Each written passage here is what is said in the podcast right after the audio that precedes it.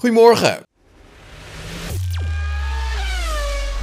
Rebel Racing had gehoopt via Max Verstappen een overwinning te boeken tijdens de Grand Prix van Oostenrijk, maar de enorme bandendegradatie gooide roet in het eten. Rebel hoopt dit probleem eh, met updates op te lossen in Frankrijk, maar dat wordt nog een race tegen de klok. Rebel werd verrast door de hoge bandendegradatie in Oostenrijk en zegt dat Ferrari dit veel beter onder controle had.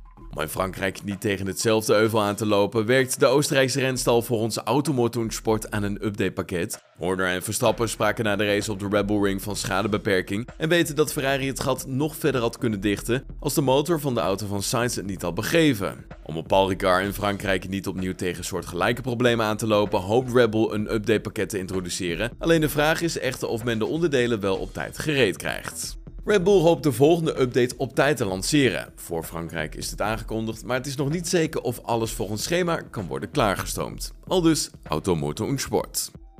Ja, wat vinden de coureurs nou van al die updates? Dat is natuurlijk ook niet heel onbelangrijk. Sergio Perez liet recent vallen dat hij zich steeds minder en minder comfortabel begint te voelen in de auto aan de hand van al die updates die worden doorgevoerd. Zo zouden ze te veel in het voordeel zijn van Max Verstappen. Maar Christian Horner is niet helemaal eens met die uitleg. De ontwikkeling van de auto, daar voel ik me nog niet helemaal comfortabel bij. Zeker niet als je het vergelijkt met het begin van het jaar. Dus ik heb nog echt wat werk te doen.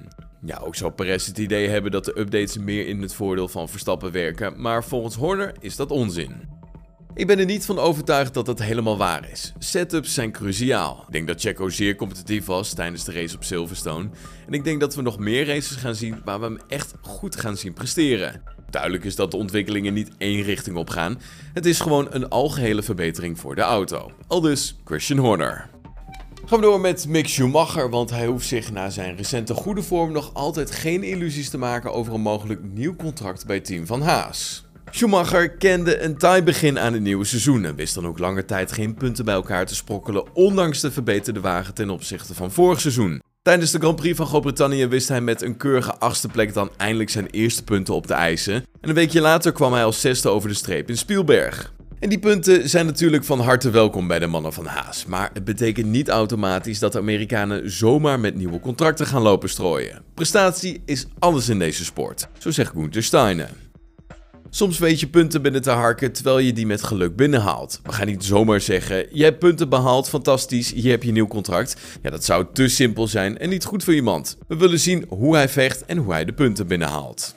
Op dit moment denken we niet eens na over contracten. Als team zijnde hebben we dat altijd gedaan na de zomerstop en dat is een moment dat we erover na gaan denken. Op dit moment willen we eerst zien waar Mick heen gaat en als we meer tijd nodig hebben om dat te zien, ja, dan nemen we die tijd. Gewoon omdat het kan.